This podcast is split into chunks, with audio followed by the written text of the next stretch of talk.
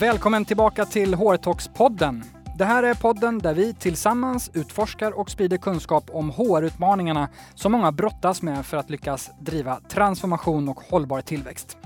Här lyssnar du på skarpa samtal mellan mig, Tommy Kau, och olika företagsledare, HR-chefer och experter. Där vi är konkreta, öppna och går rakt på sak. Som alltid är vi otroligt glada, ödmjuka och tacksamma för alla ni som lyssnar varje vecka. Och ett extra stort tack till dig som ger oss feedback, ställer lyssnarfrågor, prenumererar, betygsätter oss och följer oss i sociala medier.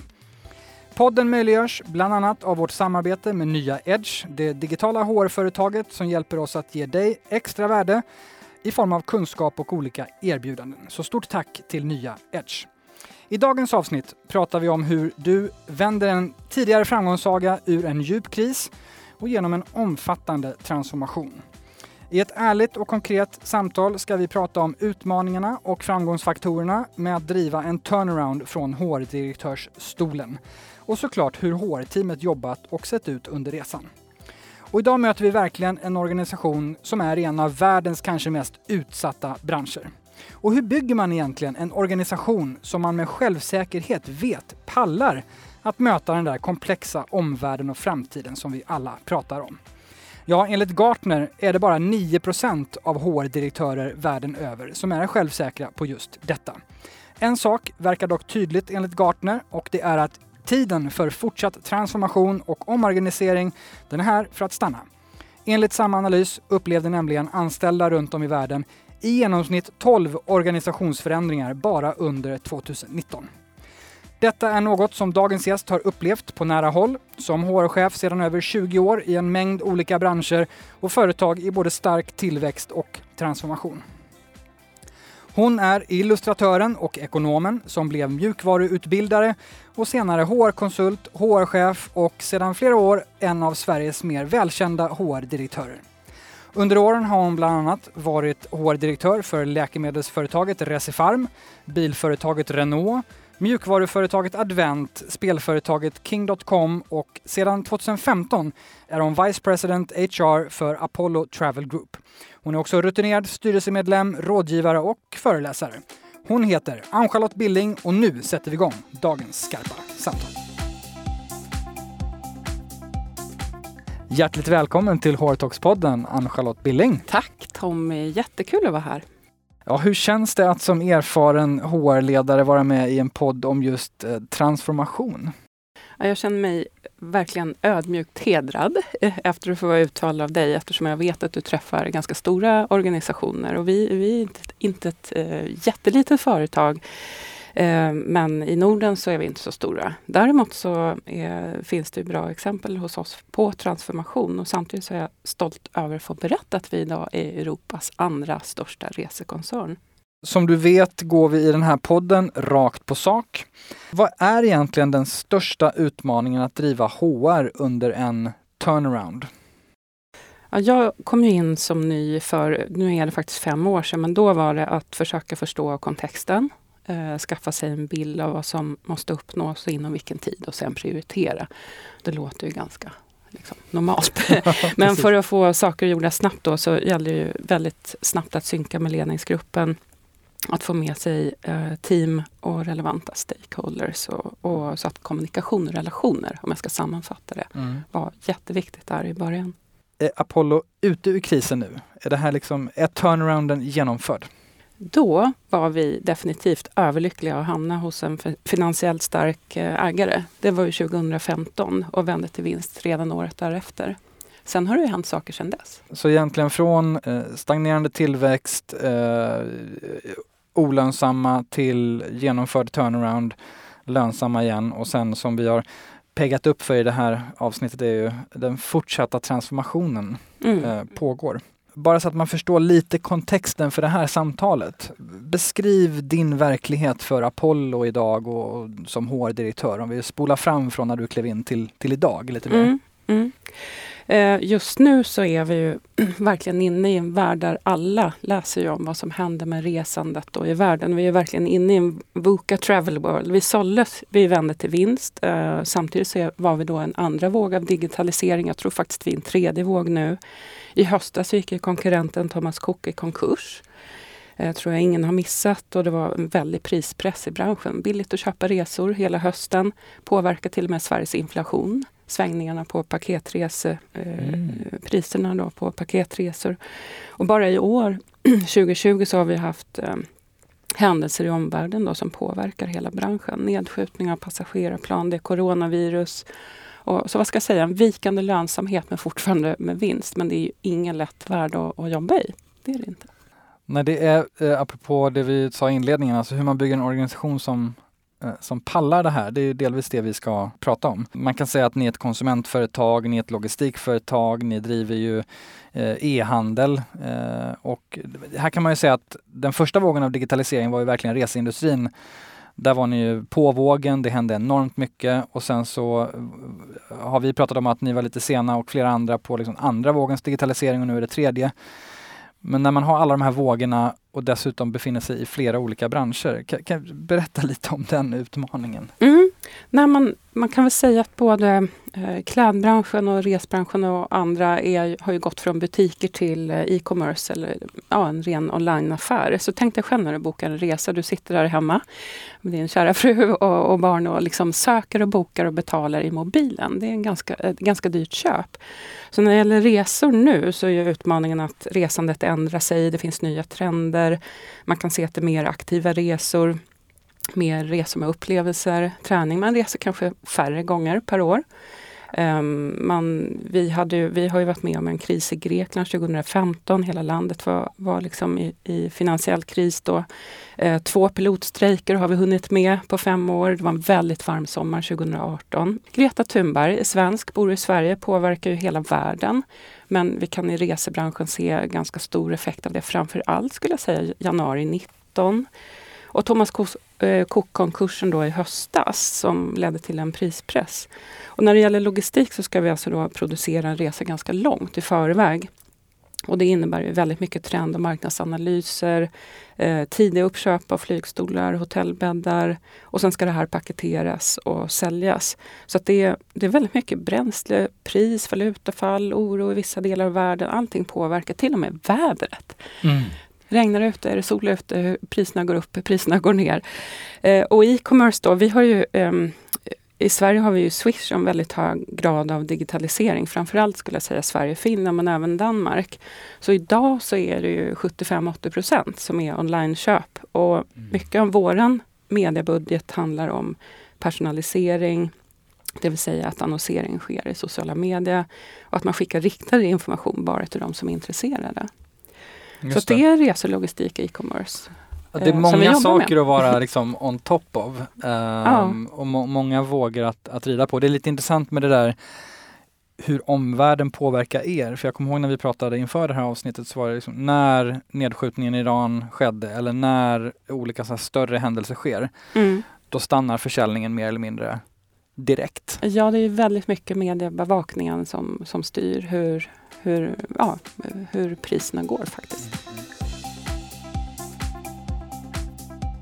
Med all respekt för, för den här eh, utmaningen, du är heller ingen gröngöling i sammanhanget. Du har drivit bolag och, och byggt HR under många år. Hur ter sig, tycker du, den här utmaningen eh, från det du har varit med tidigare? Alltså det är ganska svårt, för jag har ju mest jobbat i tillväxt och, och verkligen framgångssagor där det har funnits mycket pengar att växa för. Eh, på det här företaget, eh, Apollo, så var folk så himla lojala och det är man även i branschen. Men vi var ju tvungna att göra en kompetensväxling i alla fall och dra ner på kostnader, det vill säga personal, samtidigt som vi rekryterar in rätt kompetens. Mm. Och så har vi många olika kollektivavtal och flera länder och eh, även då säljare och köpares intressen. För vi var ju till salu våren 2015 och visste inte var vi skulle landa. Så egentligen precis när du kom in, så det var både eh, krast, dåliga siffror, negativ trend, det behövdes en turnaround och sen helt plötsligt så kastades ni också ut på marknaden för att hitta en ny ägare. Ja, det var så. Ja men ditt steg var ju till Apollo från King Hint.com Mm. som ju växte enormt mycket och som du säger var ganska välkapitaliserad eh, för att lyckas med det. Jag tänker hur, hur skiljer sig utmaningen från när man driver HR-organisation i stark tillväxt kontra det ni har gjort nu som var liksom att banta ner och transformera och göra om, göra rätt? Mm. Jag tror att det beror väldigt mycket på vad företagskulturen är faktiskt. I, i Kings fanns det väldigt mycket eh, investmentkapital, det fanns en väldigt tydlig plan. Eh, man var också, även om man inte hade jobbat med HR de första åren så fanns det när jag kom in en ganska tydlig plan och en resa och vart man ville gå. Och här fanns det inte det när jag kom in. Så att, eh, skillnaden är väl att det fanns, fanns mer pengar, en större HR-organisation. Det fanns en förståelse om vart var man var på väg. I det här fallet, och det var väl mer kanske just det här företaget, Apollo då, som jag gick in i, så fanns det ingen eh, så, här, så här gör man. Det fanns heller ingen eh, kanske jättemodern syn på HR, hur man skulle kunna göra. Så det som var kul att komma in, det var ju att man kunde få göra vad man vad man kände var bäst. Lite trial and error blev det. Och det, det blev ganska bra. Liksom. Men det visste man inte från början. Ta oss lite tillbaka till, till början när du, när du startade. Mm. Vad landade du in i? Ehm, jag hade aldrig varit på kontoret och jag hade inte träffat min VD. Eh, han började en vecka innan jag och vi hade aldrig träffats faktiskt. Men eh, det var jättesvårt för att vi hade de här utmaningarna. Vi hade många lojala medarbetare som hade jobbat i många, många år. Man visste att det gick dåligt men man hade inte kommunicerat det så bra så vi var ju tvungna att ta tjuren vid hornen så att säga och ställa oss på scen och säga att så här, så här illa är det men vi behöver er. De korten på bordet. Ja, ja, ärlighet för att bygga tillit. Och efter det, hur snabbt insåg du vad kärnproblemet var? Det förstod jag nog inom en timme. Vi var tvungna att sälja Okej. bolaget för Okej. annars skulle man inte överleva. Det var vi inte jättetydliga med att säga. Eh, kanske första veckan. Men det var verkligen så. Då är man ju lite nyfiken kanske som, som lyssnare då. Okej, en timme in och sen ska man sätta en plan eh, för att rädda och också sälja men såklart bygga. Vad blev de olika delarna i den här resan? Det blev ju att eh, dra ner på kostnader och att eh, öka försäljningen. Vi tillsatte en ny VD för Apollo som faktiskt kom internt ifrån. Eh, och väldigt mycket fokus på försäljning och eh, visa på bättre siffror. Och det gjorde vi redan eh, samma år som vi såldes. Men också att hitta en stark, finansiellt stark ägare. Mm. Det var fokus. Och samtidigt då behålla, eller vi var tvungna att stöpa om kulturen. För den vi hade haft gick inte att fortsätta med. Nej, och det är lite intressant kontext där för att Apollo har varit en av de liksom tydligaste framgångssagorna i dece- under decennier när det Mm. kommer till resor. Eh, enormt tillväxtbolag. Eh, men misstänker man ju då när man tittar utifrån en väldigt stark kultur. Mm, absolut. Det Entreprenörsdrivet, lönsamt eh, och eh, lite underdog-position på marknaden. Jäklar anamma, lojala medarbetare. Allt det ville man ju behålla. Mm. Men uppgradera lite. Ja, Mm. Och vad blev efter liksom den här inledande eh, utforskarfasen, eh, vad blev satsningarna som, som du nu kan se att ni tydligt gjorde inom eh, kanske HR och organisation? People and IT skulle jag säga. People and culture och IT. Eh, vi var tvungna att bygga en kultur till ledningsgruppen som var delvis, vi omformade den. Eh, få tillbaka förtroendet för ledningen, både internt och externt. Och vad lägger du sen under, under People and Culture? Eh, vi kommer säkert gå igenom de olika delarna men eh, vad är det ni har? Vi hade ett på. väldigt negativt employee NPS. Det låg på minus 37 tror jag. Ingen hade dock kommunicerat det. Så det, det, Nej, det låg något skåp det som var väldigt tacksamt att komma in var att vad man än gjorde blev bättre än förut. Mm. Till skillnad från kanske andra företag där man redan hade en bra kultur. eh, Så det fanns början. också ett mandat att eh, och en plats att ta, Ja. att vända på Mm. stenar. Mm, och det tycker jag är väldigt kul. Eh, när man kommer in med Mm. HR där, på ställen där det inte funkar. Det här är egentligen första gången jag kommit in i ett riktigt, riktigt krisbolag Mm. och eh, väldigt roligt, tacksamt jobb. Mm. Mm. Det finns mycket att göra och, och Mm. man får göra.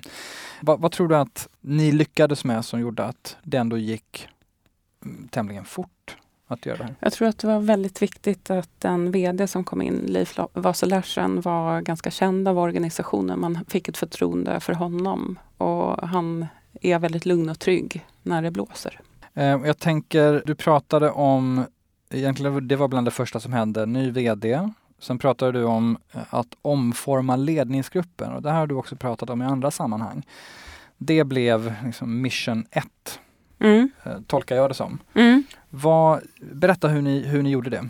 Man, För där var du väldigt drivande också i att få till det där. det hände ju så snabbt allting så man, man kunde inte säga först börjar vi med ledningsgruppen, sen gör vi allt annat. Vi var ju tvungna att göra allt parallellt, men det förstår ju du. Ja. Eh, men när det gällde ledningsgruppen så dels var den ganska stor, den var eh, alltså, vad ska jag säga, icke fungerande kommunikation i den gruppen. Och det hur är ganska, stor? Hur är stor? 14 personer. Nordisk ledningsgrupp. Ehm, vi ehm, hade inte en bra, ett bra samarbetsklimat i ledningsgruppen och det är vi idag väldigt transparenta med. Att vi, det var så här, vi gjorde det här och nu funkar vi så här. Och det pratar vi också om både i organisationen och utanför. Att eh, nu är vi ett väl sa- sammansvetsat team. Det var vi inte då. Då funkar det inte såklart. Hur, och hur gjorde ni det? Eh, vi, hade, vi hade i alla fall, vi tog oss tid en dag med en övernattning och kartlade tillsammans. Liksom, vad har vi, hur jobbar vi idag, hur vill vi jobba, hur vill vi inte jobba, vad ska vi inte ha? Eh, politik till exempel, eller enas om beslut eller en tydlig agenda bara, möteskultur Mm. och sådana saker. Så det, det var väldigt mycket, vi började om från början. Mm. Du, du har tidigare pratat om att ni jobbade enligt en, en, en teori som flera kanske känner till som lyssnar, med forming, storming, norming and performing. Och Det är Mm. uppenbart vad man vill, ut, vad man vill uppnå i slutändan. Mm. Men för de som inte är bekanta med, med den där Mm. fyrastegsraketen. Och då är det ju egentligen så att om det kommer in en ny teammedlem så får man liksom börja om igen för att alla måste känna till varandras styrkor och, och svagheter. Men man måste få storma också, det gjorde ju vi. Mitt i krisen så stormade vi internt i vår, vårt ledningsgruppsteam. Eh, och vi bytte namn också från Nordic Management Group till Nordic Management Team. Bara för att liksom tala om, vi är en grupp, vi ska bli ett team. Och det berättar vi ju om internt också. Men forming först då, liksom vilka är vi? Storming måste få upp med all skit på bordet och lösa det. Och sen norming, hitta liksom regler, strukturer, processer för hur vi skulle kunna jobba så att vi blev ett performing team. Just det. Hur lång tid tog det? Nu är vi i en lite annorlunda konstellation och vi har gjort andra saker för att lyfta oss som, som team. Men jag skulle säga under de första månaderna där, våren 15, samtidigt som vi var till försäljning och där flera av ledningsgruppsmedlemmarna var ute och liksom presenterade bolaget. Vi var tvungna också framstå som ett enat team och, och vi kanske kanske framstod hjälpte. som mer enat än vad vi var, men, men vi blev det. Men jag tolkar det som att det var sense of urgency.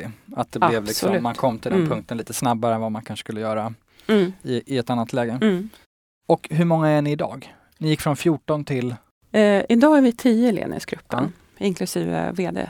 Eh, assistent eller executive Ja, just det. som också är med och bidrar, inte bara skriver protokoll. Men en sak som jag tror många har eh, höjt på ögonbrynen för eller blivit så lite inspirerade av. Det är att ni jobbade efter den här fasen som ni jobbat med ledningsrotation. Mm. Alltså att ni har flyttat roller runt om i ledningsgruppen och det är eh, tolkat på reaktionerna så är det inte så många bolag som gör det. Nej, Utveckla för de som inte har hört då, liksom, hur ni fick till det där. ja, egentligen var det så att vi hade en nordisk organisation och fyra länderorganisationer med VD, marknadschef, försäljningschef i varje nordiskt land. Och det hade vi ju inte råd med. Så att först var det drivet av att vi måste spara Kost. pengar. Mm. Men sen så förstod vi då att vi kunde inte ha eh, länderchefer som liksom bara kämpar för sitt land. Så Sin silo. vi, vi testade då att ha landschefer, landschef som också fick ansvar för en nordisk funktion. Och då indirekt ansvar för alla länderna i Norden. Och sen så gjorde vi det några gånger och sen har vi också bytt då. Så att den som idag är Sverigechef var förut ansvarig för eh, Revenue Management och är också ansvarig för Danmark och eh, nordisk marknad. Och den som idag är eh, Norgechef har också Finland men även nordisk Revenue Management. Den som var Mm. Sverigechef våren 2015 ha- är inte det idag utan han har hand om specialister och förvärv Okej. i tre andra bolag då som vi också har.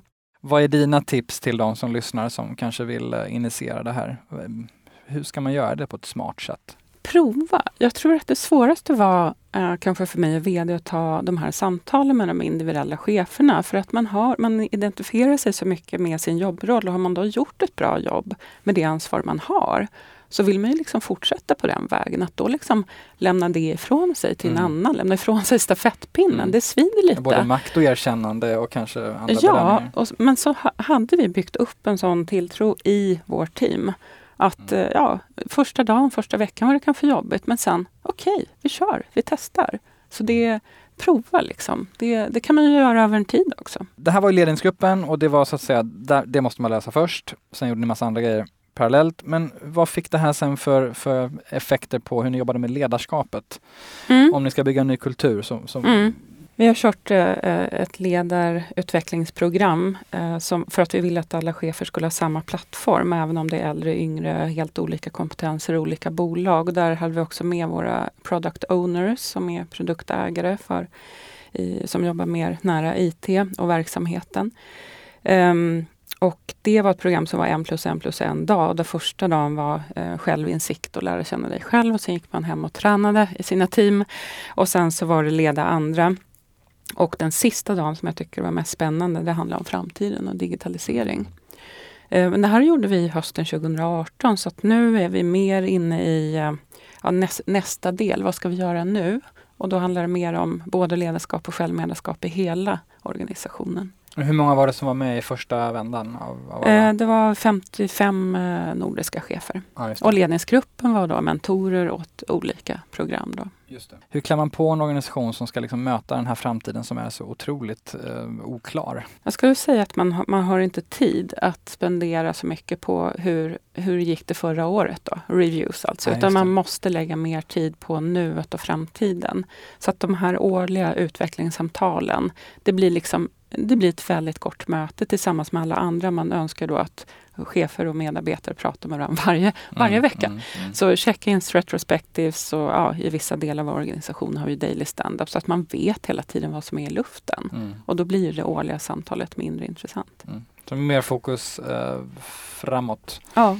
Du har pratat mycket om hur ni jobbar mer agilt idag och och att egentligen få mer agila arbetssätt. Du nämner några exempel på det nu eh, kring utveckling och, och framåtdriv och så vidare. En sak som vi har gjort som var en stor sak för att vända lönsamheten, det var att vi mergade, vi slog ihop IT och marknad som var då två silos i organisationen. Det gjorde vi faktiskt redan 2017. Eh, så att de jobbar helt agilt, gemensamma standups, det är anställda, det är konsulter eh, som är självorganiserande team. Så man jobbar i kanban, inte ens i sprintar.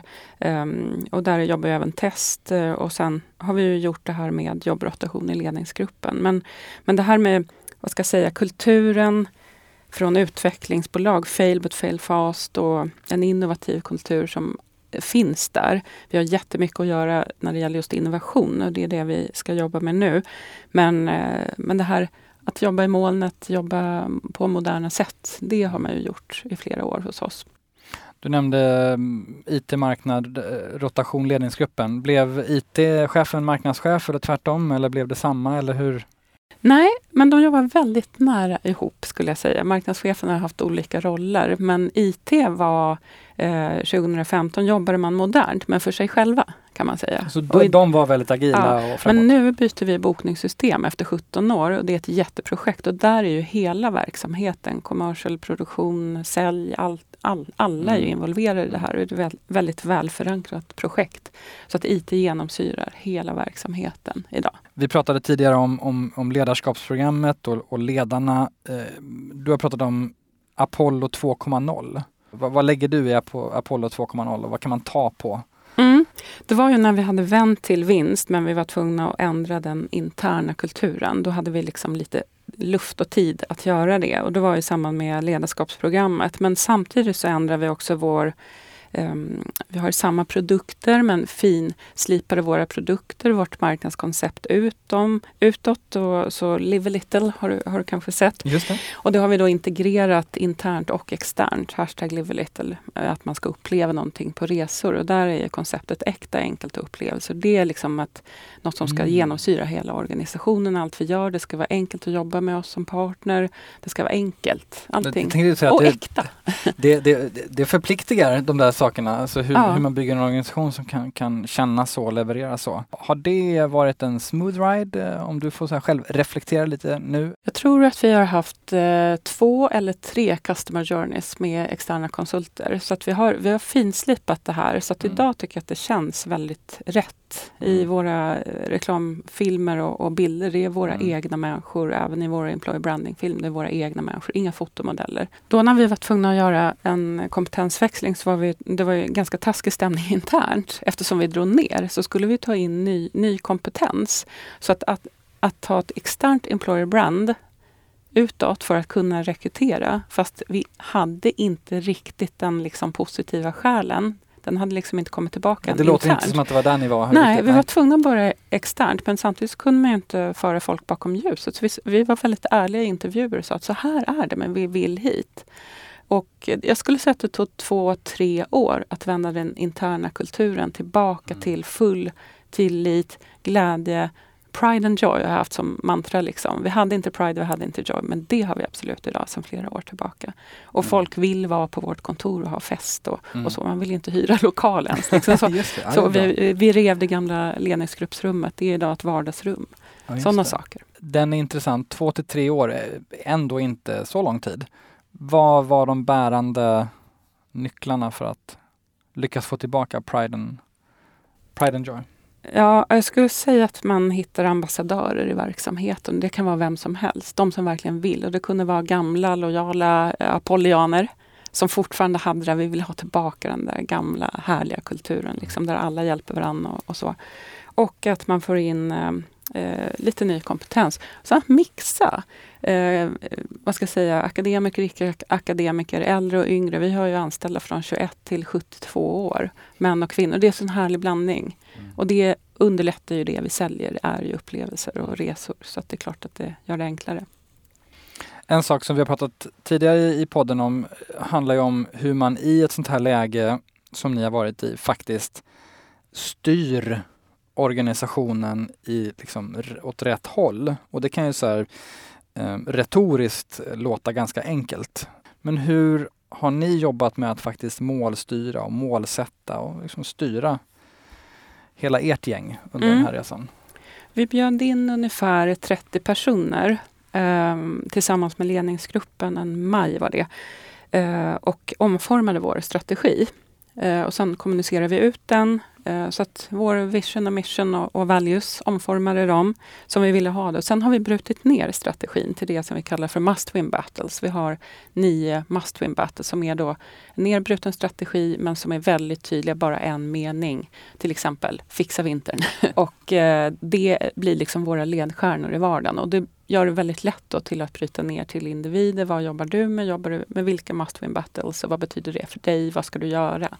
Just det. Så Vad- då blir man nyfiken strategi. på vilka must win battles du har eller ni har inom HR eller people.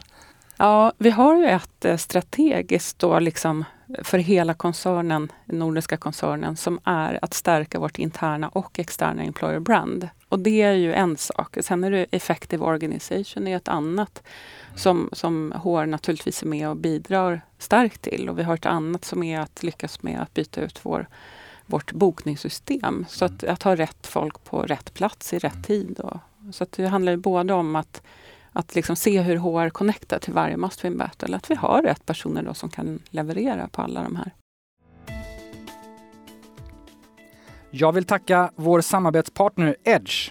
Vill du som HR-ledare eller chef göra din organisation till en av Sveriges tryggaste och schysstaste arbetsplatser? Som en del av HR-koncernen Wise Group hjälper nya Edge över 3000 kunder att förenkla och effektivisera sitt strategiska och operativa HR-arbete. Med nya Edge får du tillgång till mallar, dokument, checklister, kalkyler och svar på alla frågor inom HR. Och det bästa av allt, du kommer igång direkt online och i mobilen. Jag tycker att du ska börja förenkla din HR-vardag direkt genom att kolla in edgehr.se hrtalks. Där kan du kostnadsfritt prova på deras smarta HR-produkter. Edge, HR made easy helt enkelt. Den HR-organisationen som du klev in i, hur såg den ut? Vad har du egentligen behövt kräva av din HR-organisation under den här resan? Mm. Vi eh, drog ju ner eh, väldigt mycket då till hälften. Vi är ett jättelitet HR-team. Eh, så att vi servar, skulle jag säga, 130-140 anställda per HR-person. Och ehm, det som krävs av HR-organisation, HR och lön ska jag säga, för jag har lön här också. Alltså öppenhet, att man är väldigt tajta, att man känner varandra väl, att det är drivna medarbetare var och en. Och sen faktiskt skulle jag vilja säga att man kan både skratta och gråta ihop. Att man, när det är tufft, för det är en ganska utsatt position faktiskt. Så att man liksom känner var man har varandra så att man kan hjälpa varandra. Och det är det i det här teamet. Det är det bästa team jag har haft någon gång. Det har jag sagt alltid men, men nu är det verkligen. det får man säga igen. Mm. Ja, men eh, ha, byggde du om, du drog ner. Ja. Har du rekryterat in mycket nytt sen eller samma gäng? Eh, nej, det, det har varit eh, omsättning där också. Så att jag har väl gjort så eh, ofta att jag rekryterar, har någon som är lite mer erfaren och sen någon som är helt nyutexad. Som kommer in med liksom lite nytt blod och nya idéer också. Som har Mm. lite mer örat mot rälsen. Våra lyssnare är ganska insatta, man förstår hur verkligheten Mm. är, man förstår att allting inte blir som det var tänkt och så vidare. Vad har ni kämpat allra mest med? Inom skulle- HR, under de åren? Jag skulle säga att försöka, ehm, det blir så lätt väldigt mycket operativt. Eller att man eh, halkar tillbaka till en sån här serviceorganisation. Och då gäller det verkligen att lyfta blicken och behålla en holistisk syn. Men också välja bort, vad gör vi inte? Mm. Vad gör vi inte alls och vad ska andra göra? Mm. Till exempel cheferna själva eller medarbetare själva. Och vad, vad, hur konkret jobbar ni där med att så här, välja, det här skiter vi det här ska en annan göra, det här ska inte göras alls av någon och det här gör vi. Ja, alltså vi har ju väldigt kontinuerliga möten. Liksom. Mm. Eh, Korta checkups. Mm. Vi jobbar ju agilt. Vi har en digital kanban också på, på HR. Och ni kör check-ins varje dag? Eh, ja, inte varje dag. Ja, det skulle jag säga, fast mer liksom on the fly. Det, ja, inte ens framför, inte ens framför en eller? skärm. Nej. Nej. Okej. Det finns ett uttryck som har följt mig väldigt länge som är Time is the most valuable thing you can spend. Mm. Eh, för någonstans kommer vi ner i alla samtal vi har här i podden, alla kunder jag möter och alla andra pratar om hur vi ska prioritera bort saker, när vi lägger på saker och vilka grejer ska hamna i vilken korg. Men i slutändan handlar det om hur spenderar man sin tid? Mm. Har du någon uppfattning om hur du spenderar din tid? Hur Mm. du vill göra det? Absolut, men man ska vara mycket ute och stötta HR och chefer och mycket kommunikation. Så jag skulle vilja sitta mindre på direktörstolen Ja, som du sa i mm, början mm. och röra mig mycket, mycket mer. Och så jag, jag är också ganska mycket ute utanför organisationen. HR är också marknadsföring. Delvis därför jag är här idag. Mm. Privat ser jag till att ha ett liv Mm, ja, också. Så det, för mig så är det mycket ja, kultur, teater, vänner och, och familj. För att få energi också. Men vilka resultat kan du se idag att allt det här arbetet har Mm. gjort? Vi ligger väldigt högt på kundnöjdhet. Kund-NPS eh, tror faktiskt bland de högsta i branschen. Eh, vi har ju också byggt om vårt kontor, samma adress där vi sitter och det var ett medarbetardrivet projekt jag är väldigt stolt över.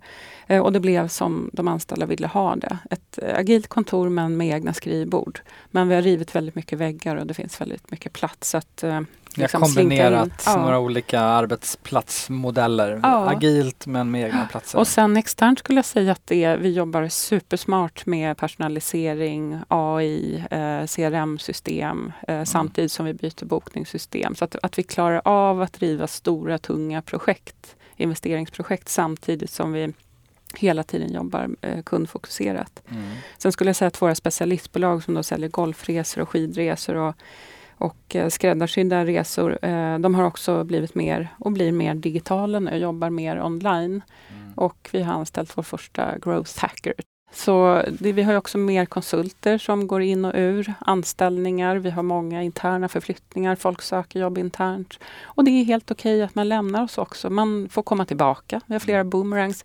Så det ser man ju hända på ett positivt sätt också att de som har lämnat fortfarande är ambassadörer. Trots att de kanske fick gå då för fyra, fem år sedan. Det är ganska coolt. Hur är eh, ENPSen? Employee NPSen Mm. vände vi idag från minus 37, vi har faktiskt legat på plus 38,40 nu i ett och ett halvt år. Det gick ner lite i höstas. Vi hade tre omorganisationer i höstas, då, bland annat ett i flygbolaget. Eh, så vi ska vända upp igen här nu då. Okej, så tre, Mm. tre, jag nämnde ju Eh, rapporten inledningsvis att 2019 så upplevde den genomsnittliga anställda i genomsnitt 12 stycken eh, organisationsförändringar. Så att, Mm. ja, det är ju ehm, krävande. Okej, så det slår såklart eh, på kort sikt. Förhoppningsvis bara på kort sikt på siffrorna. Mm. Om du nu får lite terapeutiskt eh, zooma ut här eh, i båset. Vad, vad har varit mest intressant för dig och vad har du personligen lärt dig mest tycker du? Eh, jag skulle säga att ehm, vi har väldigt mycket att lära från en entreprenörsdriven organisation. Det var två personer som startade det här bolaget vid ett skrivbord i Stockholm. Liksom. Och, och drivna av en idé att man ville, ville sälja upplevelser och liksom glädje. Och det är det vi gör.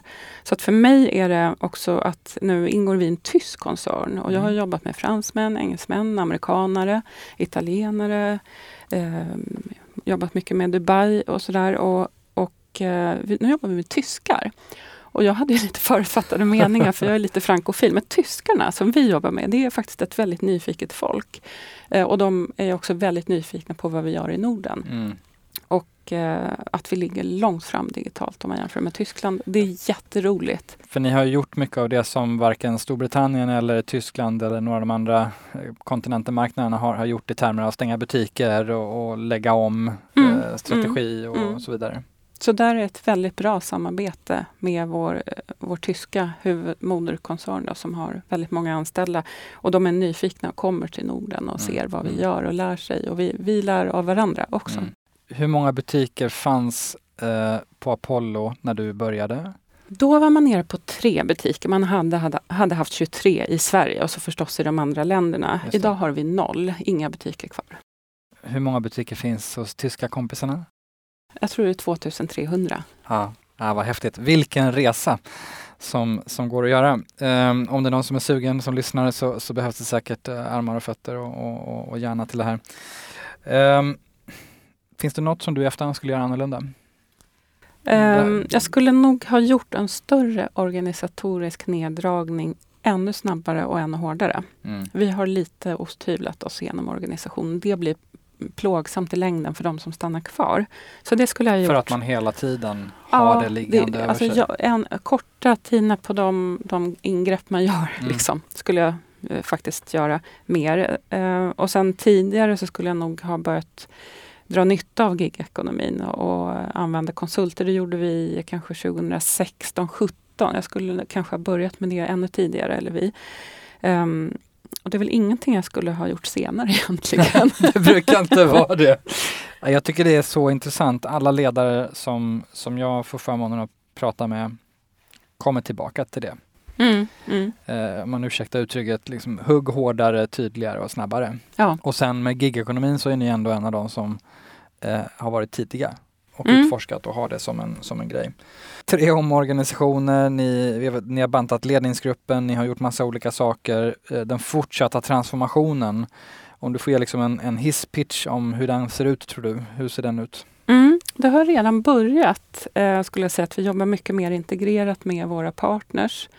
Eh, vi jobbar förstås med Microsoft Google, men vi jobbar jätteintegrerat med dem. Collective learning, eh, gemensamma hackathons, eh, kundfokuserade projekt. Ehm, det är också nya chefer, nya team, nya roller, nya kompetenser, self-management och mer internationellt samarbete.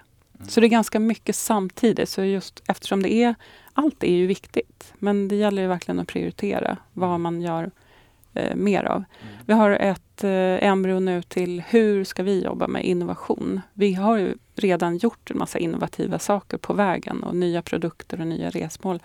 Men, och ny innovativ organisation. Men hur ska vi få in det i Mm. vårt DNA? Där är vi inte riktigt än. Mm, spännande. Har du någon teaser om hur du tänker? Ja, vi har en person som eh, skriver, skriver ett ganska stort jobb har börjat att intervjua ledningsgruppen. Och det ska bli jättespännande att höra hans, eh, ja, vad han har kommit fram till och vad han Mm, tycker att vi ska mm, göra. Mm, bra. Eh, kan också tisa om ett kommande avsnitt eh, så ni får hålla utkik. Eh, både du och eh, lyssnarna kommer prata om innovation senare här i säsongen. Mm. Om vi skulle då skicka med eh, lite summerande tips till lyssnarna kring den här utmaningen. Om du, om du skulle ge tips på en sak att göra när man driver HR i i turnaround och transformation som, som du har gjort, vad, vad, vad bör man då göra? Vad, vad, skulle det vara? En sak, jobba nära VD. För annars funkar det inte. Det går inte. Det är verkligen liksom, man måste vara supersynkade mm. eh, för att kommunikationen ska komma ut rätt i alla led väldigt snabbt. Mm. Så det, om man har den eh, förmånen, höll jag på att säga då, att eh, vara ha HR-rollen i en transformation. Så att, mm. ja, förstås ha rätt VD men jobba nära VD. Mm. Och vilka företag eller personer rent av tycker du gör det här med att driva i transformation extra bra som man kanske kan inspireras av när man har inspirerats klart av det här avsnittet? Ja, du har ju eh, haft en gäst, Cecilia Westerholm Bir, som jag tycker är en väldigt spännande intressant person som också gör karriärbyte nu. Just det, exakt. Så har vi ju Siri Vikander som har jobbat på Scandic Hotel som också gör karriärbyte. Och sen när jag tänkte efter, jag har haft en fantastisk eh, HR-businesspartner som sen blev HR-chef och nu jobbar som konsult, Katarina Rimmel, som jag också har gjort karriärbyte. Så jag, jag tycker det är spännande med HR-människor som gör karriärbyte. Själv har jag ju bara bytt bransch. Mm. Om man ska fördjupa sig mer, vilken bok tycker du man ska läsa eller lyssna på för att fördjupa sig mer i turnaround och transformation? Eh, jag har jobbat mycket med mitt eget mod och då när den här boken eh, The Fearless Organization kom ut så tänkte jag den, den måste jag nog läsa eh, av Amy C. Edmondson. Hon är professor i ledarskap och management på Harvard. Och den boken är helt fantastisk. Dels är det konkreta exempel från verkligheten men också väldigt vetenskapligt baserat på hur bra och viktigt det är att jobba med att få bort eller tydliggöra rädslor i en organisation, både hos individer, ledare, men att få hela organisationen att våga. För först då kan man jobba med fail but fail fast och liksom känna sig trygg och ha tillit. Jag, jag tänker vi inledde ju väldigt kort med din bakgrund och den resa du har gjort från ekonom och illustratör till, till HR-direktör i, i tillväxt och turnaround. Vad tycker du av den här resan har format dig mest som så att säga har lett upp till eh, dina styrkor och din plattform nu när du klev till, till Apollo och det du kommer göra framöver? Det var ju aldrig planerat så när jag var yngre, att det skulle bli så. Att jag jobbade i branscher som befann sig i kris. Men när jag tittar tillbaka så har det varit så. Jag jobbar i bilbran bilbranschen när det var bilkris. Jag har hunnit med två eller tre finanskriser tror jag.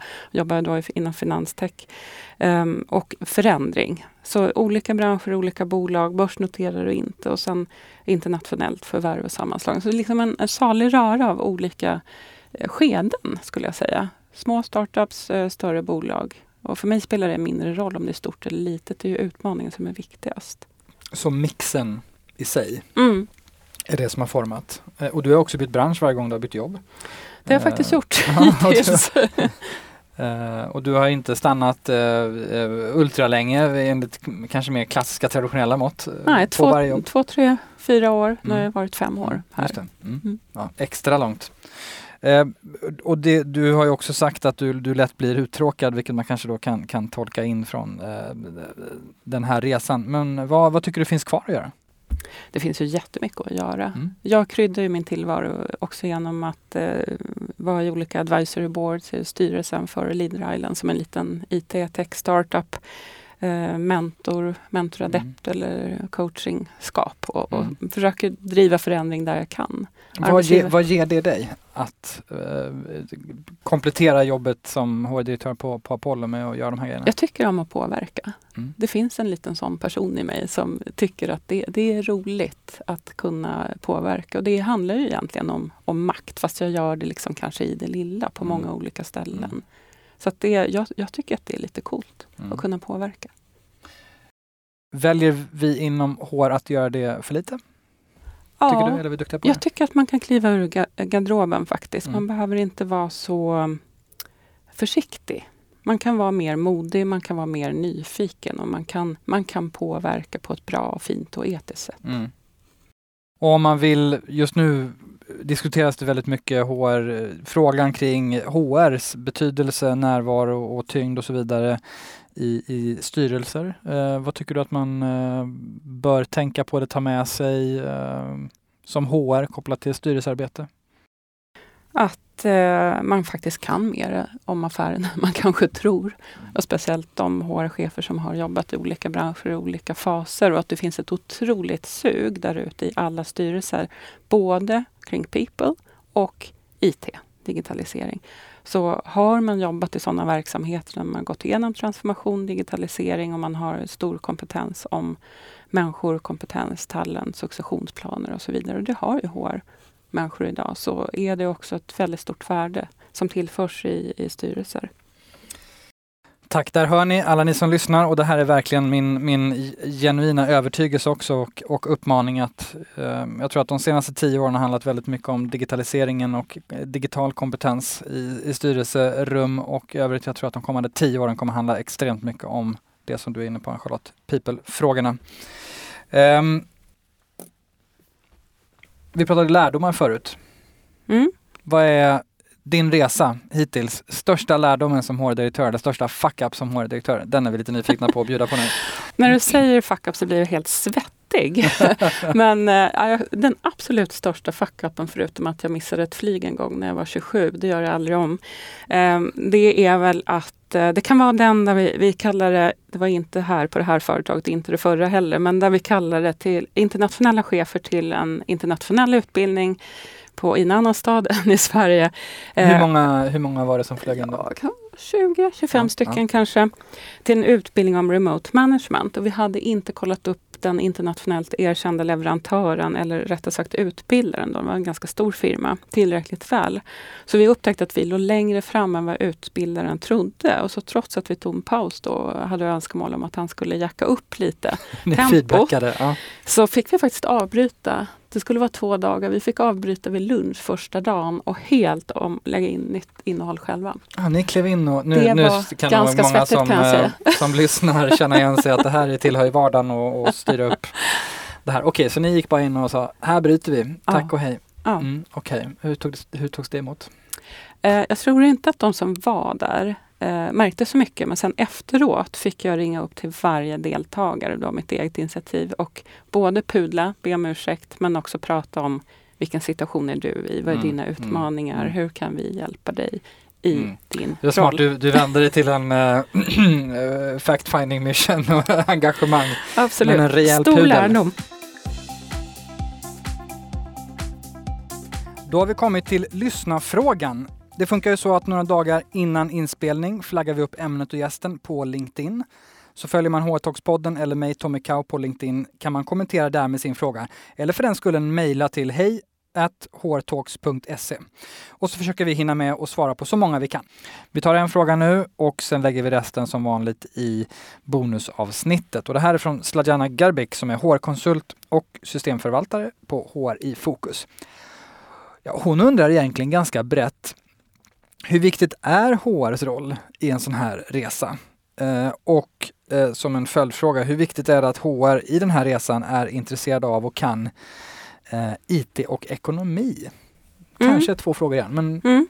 vi börjar. Absolut. Nej, Behöver har... man HR i en sån här resa? Ja, men det är klart att man gör. Därför att eh, om man ska förändra en organisation vem, alltså HR måste ju vara överallt. Så i vårt fall var det i alla fall break the silos. Och det går inte att göra utan en HR-funktion. För att det kommer att vara så att vissa chefsroller ryker. Det kommer att vara så att folk byter sätt hur man ska jobba, byter roller, kompetensväxling och så vidare. Då måste du ha med dig HR där. Mm. IT har vi pratat lite om. Ekonomi har vi inte pratat lika mycket om förutom att öka topline och kapa kostnader. Men, men sådär, HRs kunskaper inom IT och ekonomi? Ja men det är ju IT idag, det går ju inte att ha en separat IT-avdelning. Det går inte för att IT jobbar ju alla med i någon form, oavsett var man jobbar. Eh, och sen ekonomi, jag är ju ekonom, men det är liksom nyckeln till att få access till information eller att få andra i ledningsgruppen att förstå att det man gör bidrar till lönsamheten. Mm. Så att du måste ju prata siffror, du måste räkna på kostnader, investeringar och mm. omvandla det till det fikonspråk som, som kanske Finance använder eller, mm. eller andra. Vare sig man befinner sig i stark tillväxt eller den resan mm. ni har gjort, tänker jag. Mm. Okej, tack så mycket. Vi fortsätter med fler lyssnarfrågor i bonusavsnittet, så missa inte det. Vi kommer prata om hur man gasar och bromsar samtidigt, hur eh, resebranschen hanterar sin employer branding med klimatångest och eh, hur talent management kommer in i det här och bästa knep för att hålla huvudet kallt eh, och lite annat. Så missa inte det. Okej, då ska vi börja runda av lite Ann-Charlotte. Skicka med de viktigaste insikterna om vi kan eh, lyckas med det. De främsta utmaningarna som du ser som man behöver ha med sig från det här samtalet med att driva HR i turnaround? De främsta utmaningarna? Mm. Att eh, lära sig verksamheten jäkligt snabbt om man nu har kommit in som ny, som jag gjorde. Mm. Och eh, att eh, jobba mycket med kommunikation och relationer. Mm. Att vara liksom kittet i, eh, i den förändring som håller också hjälpa VD att driva förändringar. Mm. Om du skulle summera de främsta konkreta sakerna som du upplever att ni har gjort för att själva möta det här som du, som du är inne på vad, eh, och som vi har pratat om i avsnittet, vad skulle, vad skulle det vara? Kommunikation med medarbetare hela, hela tiden genom hela resan, inte hoppa över det. Just det. Och, eh, det pratade vi om egentligen från allra första början. Mm. Det tog en timme att komma fram till hur, hur, hur, det stod till. Sen ställde ni upp på scenerna och sa så här illa är det, vi behöver er hjälp. Ner till bästa HR-idén är storytelling. Så det går igenom vårt samtal lite kan man säga. Mm. Och eh, om du skulle ge dina sista konkreta tips till andra HR-kollegor, HR-chefer eller inte, som kanske verkligen behöver eller kanske vill jobba i en sån här resa som du har varit igenom och, och, och lett. Vad skulle dina tips vara då? Jag kommer tillbaka till det här, förankra förändringen i organisationen och kommunicera, kommunicera direkt med varje medarbetare och då måste man göra det genom chefer mm, såklart. Och nu har vi pratat mycket om ett hett ämne. Vad tycker du att vi ska prata mer om i HR Talks-podden i kommande avsnitt med andra gäster? Något som finns på önskelistan? Ja, nej men det, jag tycker det är jätteintressant med lärdomar från olika branscher. Eh, och hur olika branscher och partnerskap går ihop. Innovation skulle jag gärna vilja höra mer om. Det är bra. Innovation kommer eh, lite senare i, i um, om ett antal veckor. Mm. Och um, finns det någon som du tycker att vi verkligen ska bjuda in till HR-talkspodden? Finns det någon drömgäst? Ja, alltså jag har jättesvårt att säga en person där. Det, det är många, alltså jag tänker mer, jag tänker kanske inte personer då, utan Nej, okay. olika företag som jag tycker är spännande. Det finns så många startups som man undrar hur det går med deras finansiering. Mm. Eh, hur hur um, jobbar de eh, när liksom pengarna börjar ta slut? Mm. eh, Stockholm är verkligen en startup-scene. Liksom. Så hur mm. jobbar där man där? Där finns mycket pengar just nu. Ja, och hur, hur jobbar HR där? Eh, med ledning och investmentbolag. Alltså någon sån HR-person skulle mm. jag gärna lyssna på. Mm. Du känner säkert dem. Ja men spännande. Vi har några eh, på G också i kommande mm. avsnitt. Vad, vad, bra det kändes som att jag bara kan möta upp det du vill, du vill höra mer om. Ja, det var men faktiskt vi... inte planerat utan det kom från hjärtat. Eh, men vi kommer att ha bland annat i ett senare avsnitt Anna Fredriksson som är HR-direktör på Kry. Okej, kul. Som ju har mm. mer pengar än, än, många andra just nu, ja. bland annat. Stort tack Ann-Charlotte Billing för att du ville vara med oss i HR-talkspodden. Det har varit ett sant nöje. Jättekul, verkligen. Tack för att jag fick komma. Det var ännu ett skarpt samtal i HR-talkspodden. Stort tack till dig som lyssnat och vill du höra svar på fler av veckans lyssnarfrågor ska du kolla in bonusavsnittet med dagens gäst. Gillar du podden så prenumerera gärna på den i Apple Podcast eller Spotify och följ oss gärna på HR Talks-podden på Instagram och LinkedIn. Stort tack även till vår samarbetspartner, digitala HR-företaget Edge, som är med och möjliggör att vi kan utforska och sprida kunskap via den här podden. Hårtalkspodden ges ut av Cow Company, produceras av Mediemera och du hittar all info på hårtalks.se. Nästa vecka kommer ett nytt färskt avsnitt. Tills dess, ha det bra!